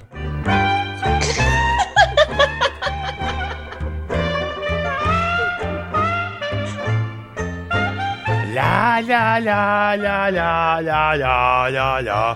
Kaut kas šodien īsti nav lāgā. Ar tām tajām. Arni, kā tev ar... Uh, Arni, tu, Arni mums raksta no paralēlās realitātes. Viņš raksta, Bois Džordžs arī bija kultūras ministrs ASV. Sāksim ar to, kāds kultūras ministrs. ASV taču nav. Viņš bija kultūras kluba vadītājs. Culture Club. kultūras ministrs. Labrīt, šī diena ir superīga. Pēdējā darba diena pirms atvaļinājuma. Tas nekas, ka mazliet smidzina. Labrīt, Līga. Līga mums tā raksta. Valteram no Jūglas interesē, kādas mums ir tehnoloģijas. Jo izklausās, ka Ines mums ir pieslēgta ar speciālu iekārtu, jo telefons tas nevar būt. Kāpēc jūs secināt, Valter, ka tas nevar būt telefons? Nu, īstenībā atslēga visam ir vienkārši labs, nu, puslīdz labs mikrofons. Jā, to pieslēdzot jebkam, skaņa daudz maz skan. Normāli. Kāds no jums saprot, kā spēļu ziņu, ka vienam miljonam, vi- viens miljons Latvijas iedzīvotāju pateicoties kāju nakts un rīta brēcieniem ir bīstams sabiedrībai? Varbūt tas Mēs bija nedzirdējām kāju nakts brēcienus. Kas pēc? Kaut kas tur vācis parakstus pret kājām, bet man liekas, ka tas ir kaut kāds. Man drīzāk tie ir reperi no rīta, kas parādīja, nu, gabalos pa vidu. Ģertrūdas iela ir bez lietus, raksta Dace, vēja maigā plūsma, lēni glāsta vītola zarus. Debesis rotājas dažādu toņu pelēkās nokrāsās. Skaists, mierīgs rīts. Laiks doties laukā. Nu, dodies laukā. Lai forša diena, Dace. Diviem Viktoriem abiem šķiet, ka Kaņē, vienam šķiet, ka Kaņē ir izstājies no prezidenta skrējiena pagājušā nedēļa, otram šķiet, ka viņš nekandidēs. Uldi, Tā tā ir- skaidrība. Tā arī bija pagājušajā nedēļā. Izziņoja, ka viņš nekandidē, nekandidēs, un tad viņš uztaisīja to nu, tā kā Brīvdienās. tikšanos ar publiku. Jā. Jā. Kā kandidāts. Tā kā tur neko nevar, nevar viņi saprast. Teorētiski it kā nē, vairs neko nekandidēs. Klausies, Sandi, tu esi mājās savu mobīlo atstājis. Sanda sieva raksta, Evija. Šķiet, es, nevis šķiet, bet es zinu, ka viņš jūs klausās un zinu, ka telefons viņam šodien ļoti vajadzīgs. Lielas paldies! Sandī! Brauc uz mājām pēc telefona. Čiriks raksta, Grēviņš ietekmējis no Kanjē un kandidēs uz prezidenta amatu. Par jaunu vēl. Un izglītību jāsabaksta kaut kā. Tur ir kaut kāds priekšnoteikums izglītībai. Pasties, man liekas, ka jā. Prezidents mm, prasības. Man liekas, ka obligāti. Tas, tas tik būtu joks, Ines, ne? jo bez izglītības var par prezidentu kļūt. Jā, tas būtu interesanti. Vi, vispār es ar mieru, bet uh, kād, kādreiz, citreiz, jā.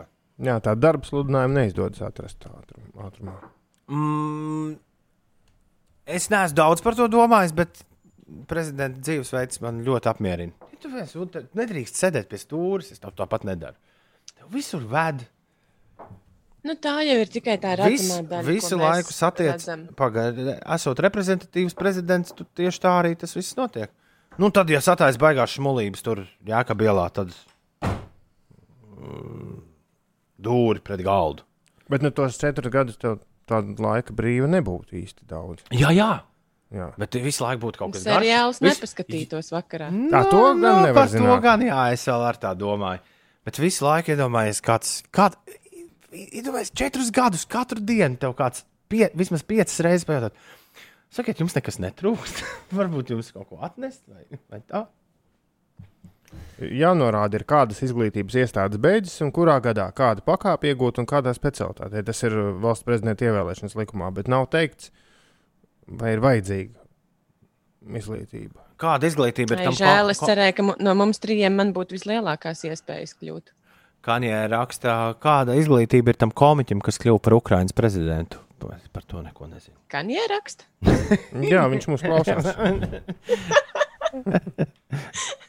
Džeģi- Viņam ir tāds aparātiņš, kas rāda, kurā pasaules malā viņi spēlē, un tad viņš pieslēdz. Šajā, šajā īpašajā 2020. gadā pasties, ir arī ļaudis, kur ir tā kā JJs. JJs mums raksta, ka Kanjē gribēja kandidēt uz prezidenta amatu. Visu laiku ziņas klausos un lasu, bet šo palaidu garām. Viņš ne tikai gribēja, viņš izziņoja, ka viņš kandidē, un tad visi, kas kaut ko no tā saprot, saka, ka viņš tur ir nu, jau nokavējis visu kaut kādas tur balsu Viņš saka, savākšanas. Viņš saka, bet es tik un tā kandidēju. Ja, tu, tu nevari apstādināt Kanjē. Tas nav iespējams. Saldējuma sezona ir klāta.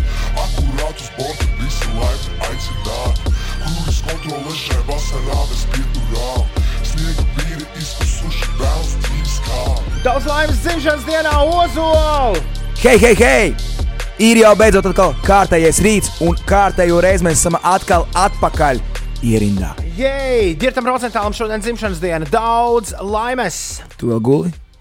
Draudziņ, draudzenīt, ceļamies augšā, jāsāk, tā lieta ir jāsāk. Ines, tā lieta ir jāsāk ar tavu, kas notiek 7,48. Labrīt! Jā, draudziņi, draudzenītes, es neguļu. Uh, uz Jālgavas šoseis kārtējo rītu ir sastrēgums. Tur jārēķinās ar aptuveni 20 minūšu kavēšanos posmā no Dabas līdz uh, Jaunolainai. Braucot Rīgas virzienā galvaspilsētas ielās, gan sastrēgumi īsti nav novērojami šobrīd. Elizabetes ielā ir tikai neliela kavēšanās posmā no Tērbatas ielas līdz Krišjāņa Barona ielai aptuveni 5 minūšu garumā. Tāpat arī Gustava Zemgala gatavē posmā no Brīvības ielas līdz Gaujas ielai apmēram 5 minūtes pavadīsiet. Latvijas futbola virslīgā šodien aizvadīs trīs spēles. Pulksteni 6. vakarā RFS Rīga. RFS eh, Tukuma pilsētas stadionā viesosies pie debitantes Tukums 2000 TSS. Tāpat pulksteni 6. vakarā Valmiera Daugavas stadionā viesosies pie Meta komandas un 8. vakarā komanda Rīga spēkosies ar Ventspils spēlētājiem. Tas par sportu vēl piebildīšu, ka nevienam no Orlando esošajiem basketbolistiem pēdējās nedēļas laikā nav konstatēta inficēšanās ar covid-19. Tā paziņoja Nacionālā basketbola asociācija.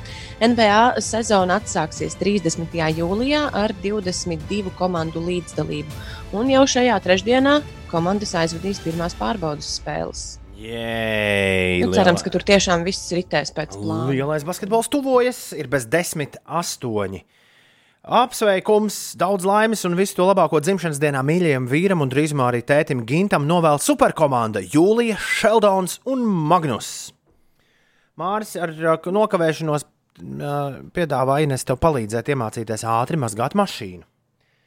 Bet man liekas, ka šo tēmu mēs esam Paldies, izsmēluši Mārcis. šorīt. Tas jā, ļoti laipni no tavas puses. Un Džins raksta, es iedomājos, kā būtu, ja Toms, kā valsts prezidents, kādu nakti izdomātu aizbraukt uzspēlēt kādu ballīti kādā nakts lokālā vai festivālā. Būtu interesanti.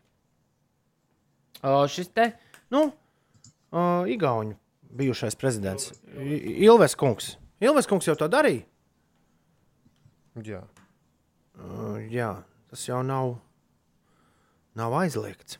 Bet vispār Magnusam ir sapnis kļūt par prezidentu. Viņš man liekas, katrā dod pieci man pa naktīm stā- stāsta to. kā- Viņš katram to ir stāstījis. Atstā, atstāsim šo Magnusam, jo man liekas, iespējamība, ka mēs abi varētu iet- ietrāpīt pa prezidentu, ir nu, tuvu absolūtajai nulai. Es dzirdēju, ka sastrēgums no Dārbas līdz jaunolainai raksta Biokristaps. Lūk, tas būtu sastrēgums pāri pus Latvijai. No daibes. No daibas. Ah, Nu, no daibas.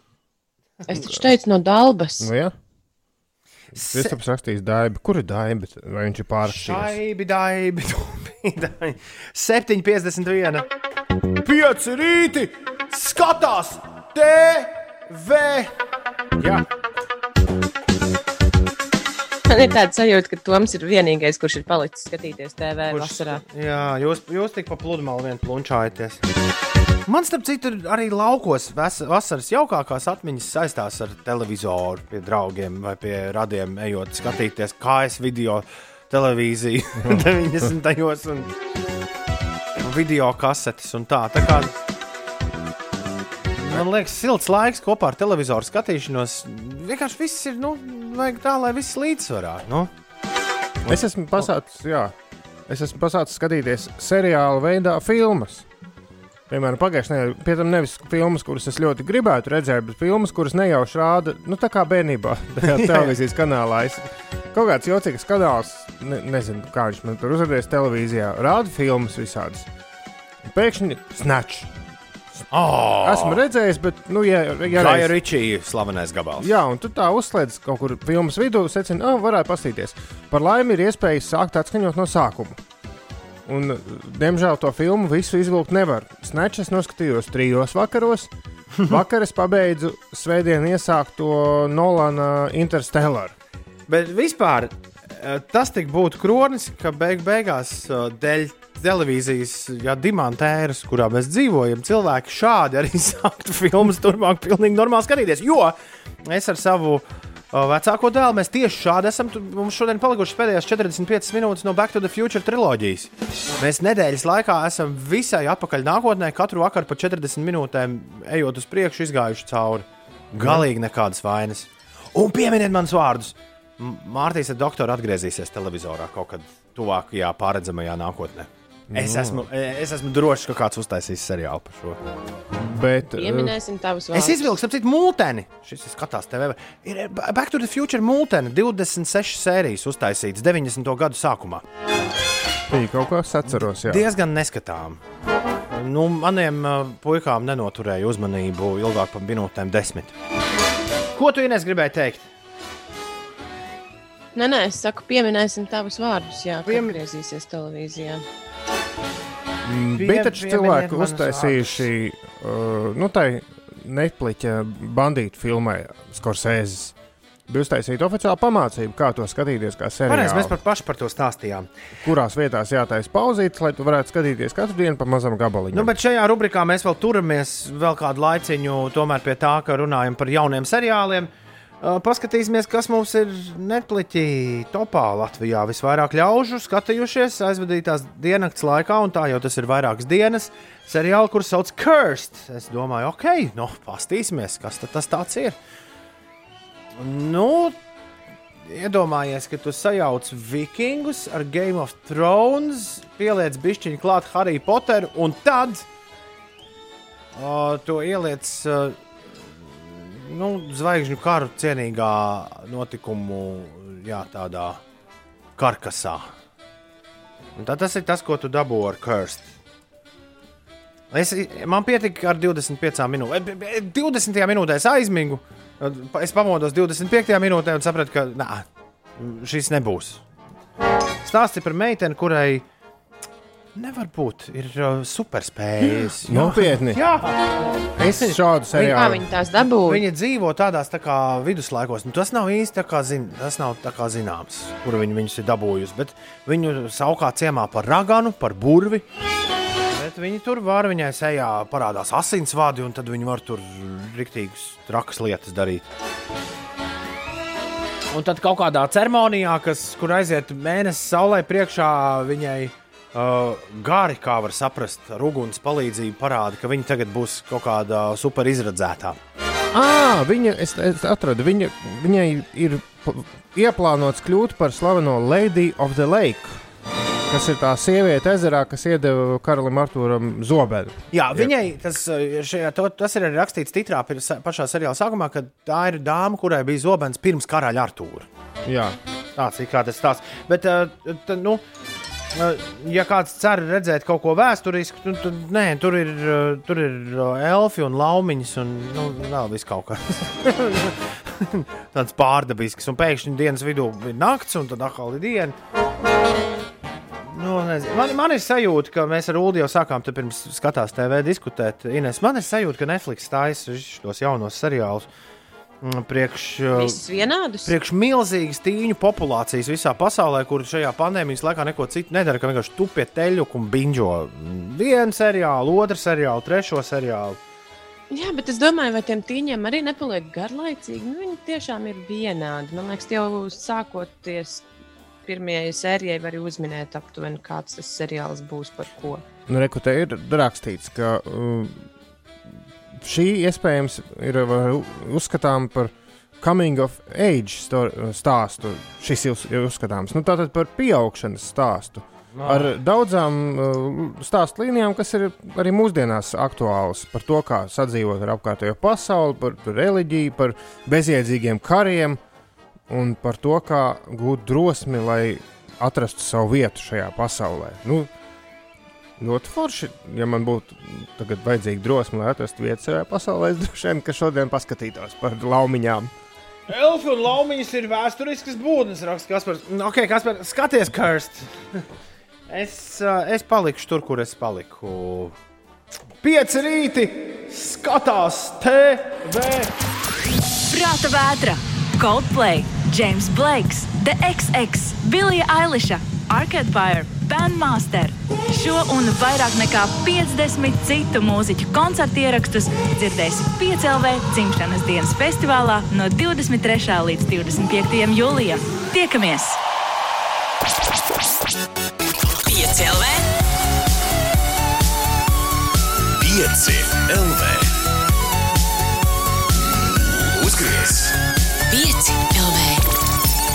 uzgriez un ir. Ir 5 pār 8. Labrīt, pieču, kā aizmirsāt pieminēt, manuprāt, svarīgu faktu. Um, uh, seriāls, par kuru jūs runājat, Kirst, tā galvenā varone ir Hanna Bakera, īstajā vārdā Katrīna Langforda, no skarbo realitāti atspoguļojošā un sabiedrības pop problēmu aktualizējošā seriāla 13 Reasons Why. Un par to mums droši vien būs tad jārunā atsevišķi. Kādā Ah, citā tā Hanna reizē. no tā seriāla. Jā, es viņa- esmu noskatījusies 13 Reasons Why visas sezonas. Par to mēs runājam. Man liekas, mēs nekad neesam Nu. pļāpājuši, bet viņš jau nav Nē, mēs, pirmās. esam, mēs esam runājuši Mēs par esam to runājuši? seriālu. Ah, ok. Jā. Labi, labi, labi. labi. Uh, Bet es nākamreiz varbūt varēšu pastāstīt par jaunāko sezonu, kas tam iznāca. Monta prasa, vai kāds zina filmu seriālu, kur var pats regulēt sižetu, kad ik pa brīdim tev piedāvā izvēlēties tālāko. Vai miris vai nē, un tā tālāk. Nu, man slavenākā šķiet ir Black Mirror filma Bandersnatch. Netpliķī, kur, kur tā var. Bet, eh, bet tagad Viņas nav, viņas nav pārāk viegli uztaisīt, tāpēc arī šos, uh, šos interaktīvos pasākumus laiž klajā gana reti. Bet tūlīt viens būs 6. augustā iznāk seriāla Unbreakable Kimmy Schmidt. Īpašs uh, šis te šovs, uh, kurš sauc Kimmy vs. The Reverend par to, kā Kimmy precās. Un, uh, tas būs stundu 20, un arī visi var kontrolēt, kas tur notiks. Un, kā mēs nu pat ar Ulu arī, kamēr skanēja ziņas, paskatījāmies traileri, tur tās izvēles, kā jau tādā labā komēdijā, ir pilnīgi sviestainas. Nu, ja tu skaties, tajā bērnu nečā tur bija vienkārši pieiet pie. Pieiet pie uh, leduskapja, ko izvilks, limonāde vai pienu, vai ne? Tas tā kā kopā. Bet, uh, man liekas, tādā kārtīgā melnā komēdijā tur Ulu var būt. Nu, tu vari izvēlēties pilnīgi sviestu. Sitīs ar čiekuru vai sitīs ar piemēram? Klausies, Ines, es neatrodu, ka mēs būtu par 13 reasons stāstījuši. Tiešām? Varbūt vēl veiksim izmeklēšanu, varbūt par to jāpadomā. Pastāstiet, Ingūns ir Nu, pārliecināts, labi, ka. Ulas ir galvenais TV speciālists šajā pārraidē. Viņš prasa, Ulu vakar uzgāja seriālu Black Mirror. Ir vērts sākt skatīties. Nu, es esmu Black Mirror speciālists noteikti šajā raidījumā, jo man liekas, tas ir vienīgais, kurš ir tik daudz skatījies. Bet es esmu viens no tiem, kurš sāka no, man liekas, ka trešās sezonas. Un man ļoti patika. Tad pašu, pašu pēdējo neesmu redzējis, un es esmu dzirdējis baumas, ka, tad, ja patīk trešā, tad to pirmo un otro arī var neskatīties. Nu, katrā ziņā Black Mirror ir lielisks, ka, to, ka tev nav jāskatās uh, kaut kādā secībā. Lai gan tajā, tā, cik viņam ir Ja tu neskaties secībā, tad tu vienkārši saputrojies. Nē, bet tur nav, tur nav viena varoņa un viena stāsta, un tur vispār nekā nav viena. Viņš ir tā kā Mazas filmiņas, jā. mazas kopā. filmiņas. Bet uh, es piekritīšu pašam Black Mirror autoram, kurš, te, te, kad pandēmija sākās, teica, ka šis gads nav īstais, kad skatīties Black Mirror. Ah, jā, es sāku skatīties no trešās, se trešās sezonas, man ļoti patika. Un ceturtā sezona bija vispār, tur bija dažas īpaši tā par, par, par Star Trek. Bija, man liekas, ka viens no, nu, tur bija tās sērijas, kuras rīktīgi norauja jumtu. Bet Pečus prasa, vai ir vieta, kur visus piecus skatās TV uh, raidījumus var apskatīt, kas ir tas, par ko mēs esam runājuši. Uh, Jaunais Batmans bija sācis Twitterī likt, es nezinu, vai viņš to joprojām Man liekas, ka tas ir apstājies arī. Jā. Zini, kā peču. Šī mūsdienās, kad informācijas ir vairāk nekā tu visā savā mūžā varēsi noskatīties, nu, visu YouTube video un seriālu un vispārējais, krāt un taupīt kaut ko, kaut kad vajadzētu paskatīties, nav jēgas. Nē. Vienkārši dzīvot šim brīdim un mieras. Mm. Uzliec, piemēram, par Ines nesen stāstīto Brooklyn Nine-Nine. Uz, uzliec Brooklyn Nine-Nine. Ah, Foršs Jā, seriāls. tieši vakar mājās braucot, klausījos to foršo bīstības dziesmu. kuru? Nav sleep till Brooklyn. No, sleep, till Brooklyn. Nu, forši. Jā, viņi tik labi skan mašīnā. Forši, forši, forši. Ir uh, desmit minūtes pāri pusdien astoņiem. Labrīt! Dzīvo brīvi, nekad nelaid vējā. Jā, jā, Mārtiņ, tieši tā. Vējā nē. Klosters Līga Latvijā! No, izklausās, ka vējš baigi pūš pagaidām. Klosters Līga Latvijā! Nē, nē, nē, nē, nē, nē. Ceļamies augšā un tik uz priekšu. Galvenais ir labi izgulēties. Jūs nevarat iedomāties, cik tas ir forši. Beidzot, es to izbaudu. Miegu. Es, man katra diena ir sestdiena. Nē, katra diena, kā Morisijas dziedāja, svētdiena. Šodien ir otrdiena, 21. jūlijas. Cēlies augšā. Laiks darīt otrdienas darbus. Nu, vai arī pirmdienas darbus, kurus kaut kā nesanāca izdarīt pirmdienā. Šodien Meldrai, Meldrim un Melisai ir vārdu svētku sveiciens viņiem. Girts Rozentāls, Latvijas hip hop industrijas guru. Ozols svin dzimšanas dienu. Maijai Sējānai dzimšanas dienu, Valmieras drāmas teātra aktierim Ivo Martinsonam sveiciens dzimšanas dienā no reklāmas industrijas Rolandam Puhovam sūtam sveiciens un no ārzemniekiem tikai viens vienīgs Jusufs Islāms, Kats Stevens ir, ir šodien starp jubilāriem. Viņš bija, viņš bija Kats Stevens, un viņš vienā brīdī izdomāja, ka viņš būs Jusufs Islāms. Vai otrādi? Es vēl, uh, Ah, nē. Es vēl piecu rītu fani aviācijas industrijā, Jēlēnu Barisoni, apsveikšu dzimšanas dienā. Aļonā, Ziedražģieņiem, ir 11 minūtes pāri pulksten astoņiem. Tu klausies piecēlē. Ai, krītu astronauts, astronauts, astronauts, radio dzieda, astronauts, astronauts, jā, gan 8,22. Labrīt! Vakardienas raidījums man, Ulim un Inesei paliks uz visiem mūžiem atmiņā ar to, ka pie mums atnāca. Pēkšņi jā, no meža Viņš.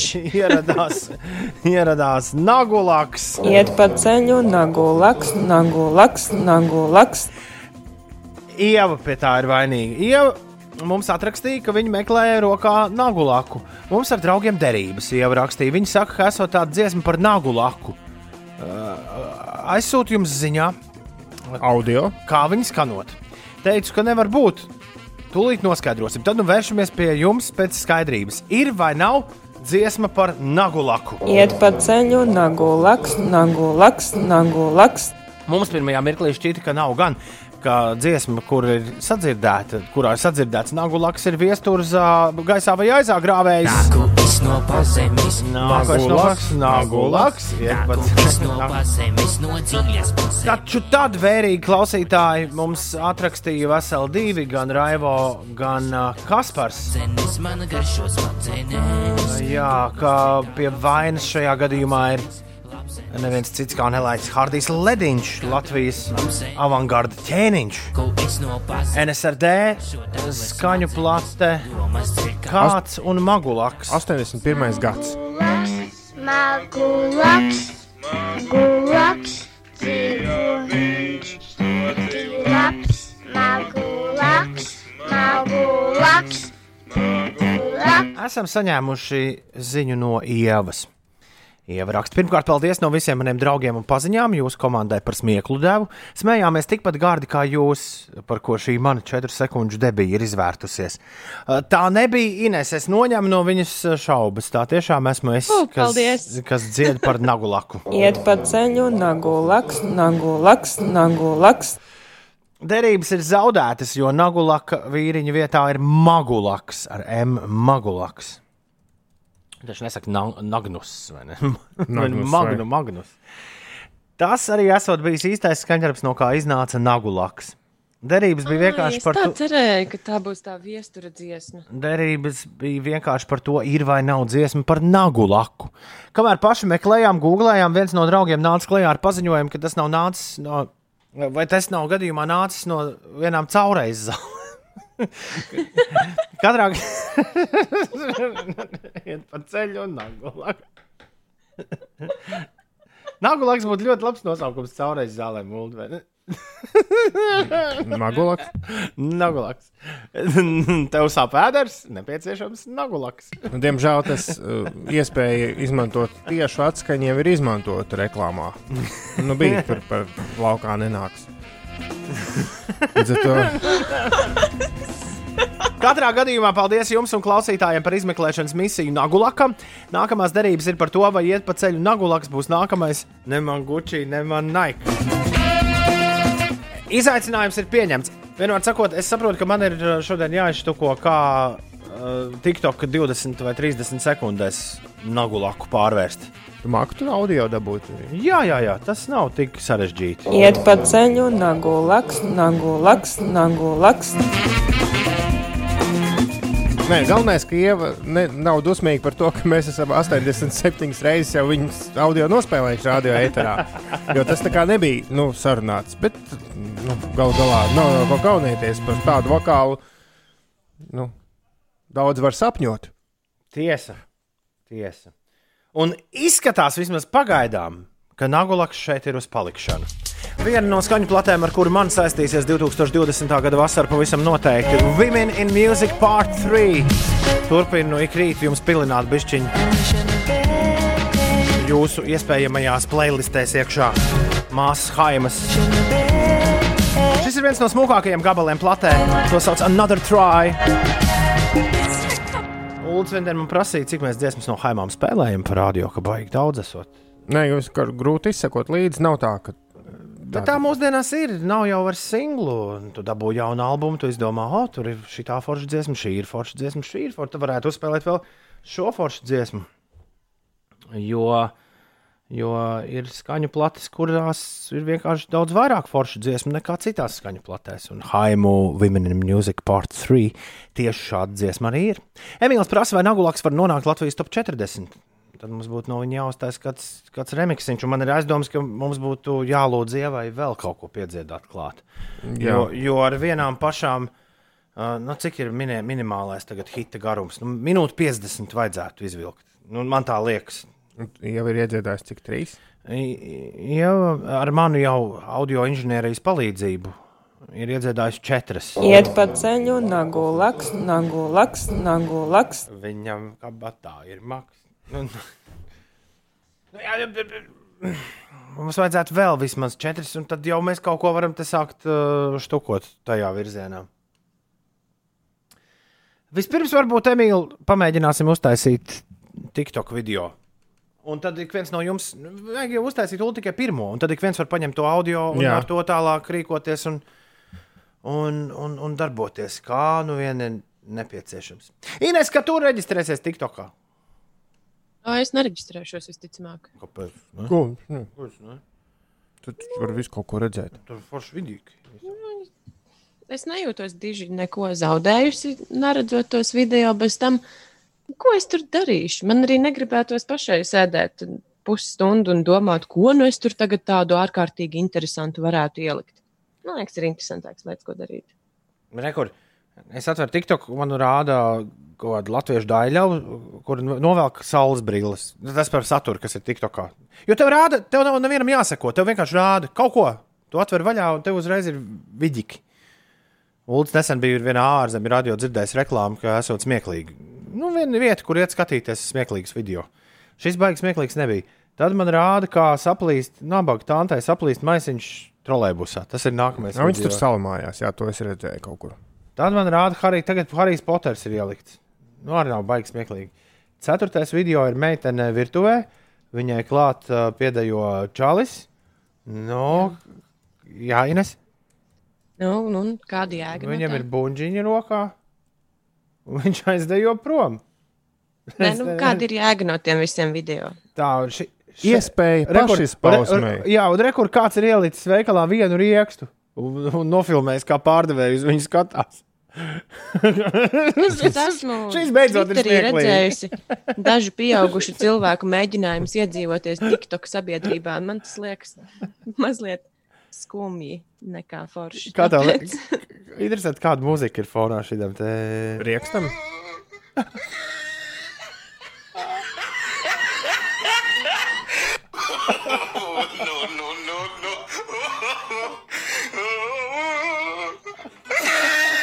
Viņš jau žēl tās pārdevējs, bet nu labi.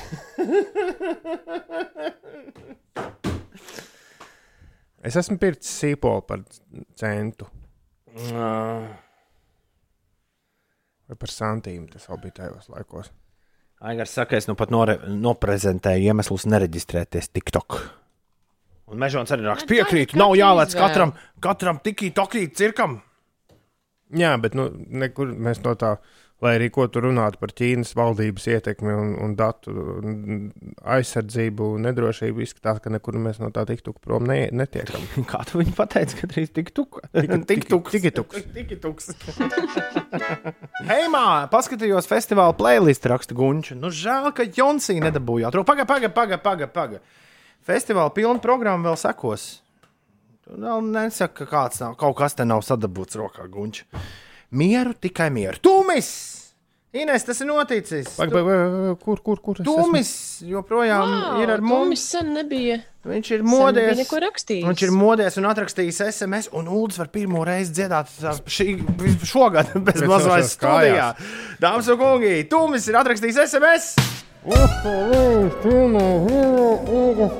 Vēlreiz, es, es masku noņemšu. Tomēr Es, es biju gaidījis, ka tu darīsi tā, kā es tev gribēju nodemonstrēt, tā kā nu dara modernās dziesmās. Iedod man iespēju. Labi.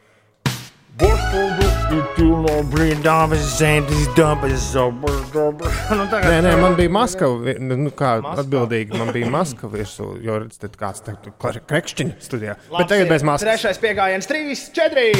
Vasarā ir pilnā briedā, ogas, jā, ar pilnām rokām. Ķirši, saldē, ķirši skābē un pa virsmu AVNS, vēl ar uzēdu melnēs un ar nedaudz stiķenes. Baudām dabas valkas ļoti garas, baudām dabu ļoti foršo, lai ir diena pēna šī un ar ogas māja, māgai tīk, māgai tīk, māgai tīk, tumis tīk. Ir stiķenes. Stiķenis, tas nav uh, ērkšķoks gadījumā, nesauc dažos. Uh, nu, tas ir viens no. Izdolas kurzemē sauc cērkšķogas. Stiķenis ir viens no dārza ogām, kas nu, reģionāls nosaukums, bet man šķiet, ka tās Tum- Jā, ērkšķogas tās ir. Tumi, paldies par SMS tev rītā šajām. Ar vienu solīti.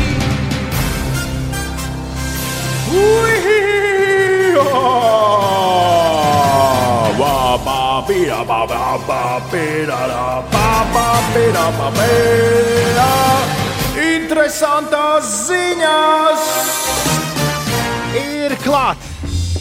Pavisam nesen mēs stāstījām par to, kā noslēgusies kāda slavena apslēptās mantas sāga. Kāds vīrs bija noslēpis Amerikā kasti ar dārgumiem, un jūnijā pēc vairāk nekā desmit gadus ilgiem meklējumiem beidzot kāds to atrada. Taču daba tukšumu nemīl. Tagad kāds amerikāņu jubilieris no Mičiganas štata ir izziņojis, ka Covid-19 dēļ pārtrauc savu jubilieru biznesu un iekrātās dārglietas apmēram 1 miljonu dolāru vērtībā ir nolēmis aprakt zemē. Tās sadalīs un paslēpjas dažādās vietās Detroitas apkārtnē. Taču ir kāds āķis. Jubilērs vārdā Džonijs Perijs ir nolēmis nevis mest plinti un zeltu krūmos, bet ā, šādā veidā uzsākt jaunu biznesu.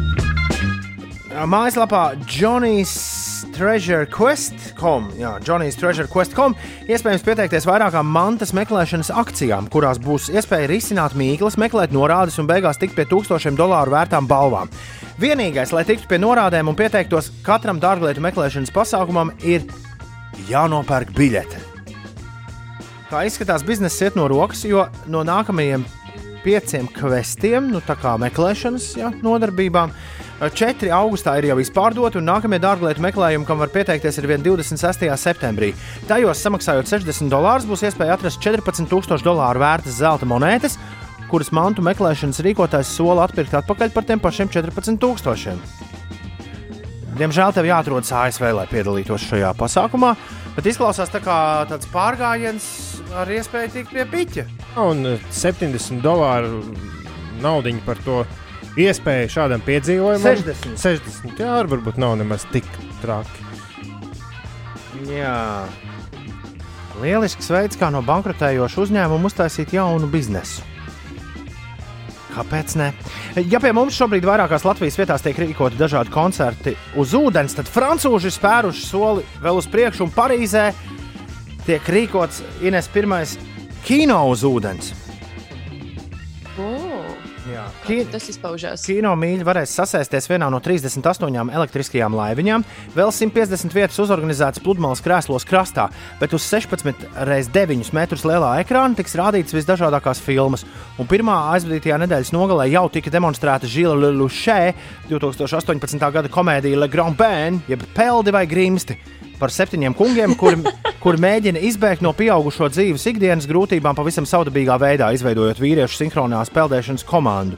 Jo tad, kad problēmas velk dibenā un šķiet, ka vairs nav izējas, ir svarīgi peldēt, nevis grimt. Nu, kur vēl piemērotāk filmu šim laikam atrast? Tā ir aktieru filma, vai ne? Tas nav Jā. uh, doķi, do, dokumentālais. Nē, nē, Bet klausies, nu, kanāls pat rādīt. Ī! Un, ja tev tagad nav laika skatīties filmu, tad varbūt derēs balets. Ienes, kad tu pēdējo reizi baletu skatījusies. Uh, es neesmu nemaz skatījusies baletu tā pa īstam. Hmm. BBC Twitter kontā publicēts video, kurā 27 elites līmeņa, 27 elites līmeņa baletdejotāji no visas pasaules izpilda gulbju ezeru no pilnām vannām savās mājās. Jā, viņi tiešām ir pielaiduši vannas, nolikuši telefonus visticamāk. Nu, Un kādam viņi ir nospēlējuši visu gulbju ezeru pilnā garumā. Tas Visu- ir kaut kāds divas stundas. Nē, nē, visu nē, tur tāds fragmentiņš. Un, un, un kā raksta pats režisors, uh, pēdējos mēnešus sēdēja nu, toaletē uz podu un, un taisīja video, kurā 27 dejotāji dejo vannās. Tālāk, tādā laikā mēs dzīvojam. Bet video ļoti skaists. Meklē at5 rīti. Pieci rīti. Brīnišķīgi. Nu, tad bija gulbi ezeru noslēgumā, vai ne? Šodien.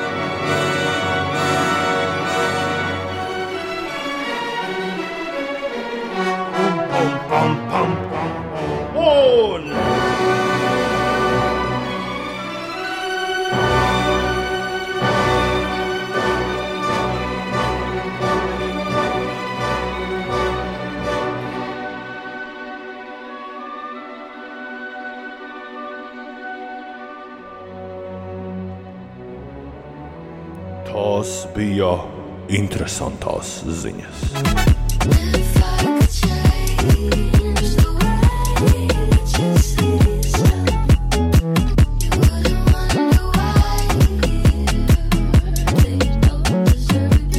Ar šīm vācu diskžokēju Paula Monda, uh, s- jā, Billijs Eilishs, Everything I Wanted pārstrādājumu skaņām mēs arī no jums atvadāmies.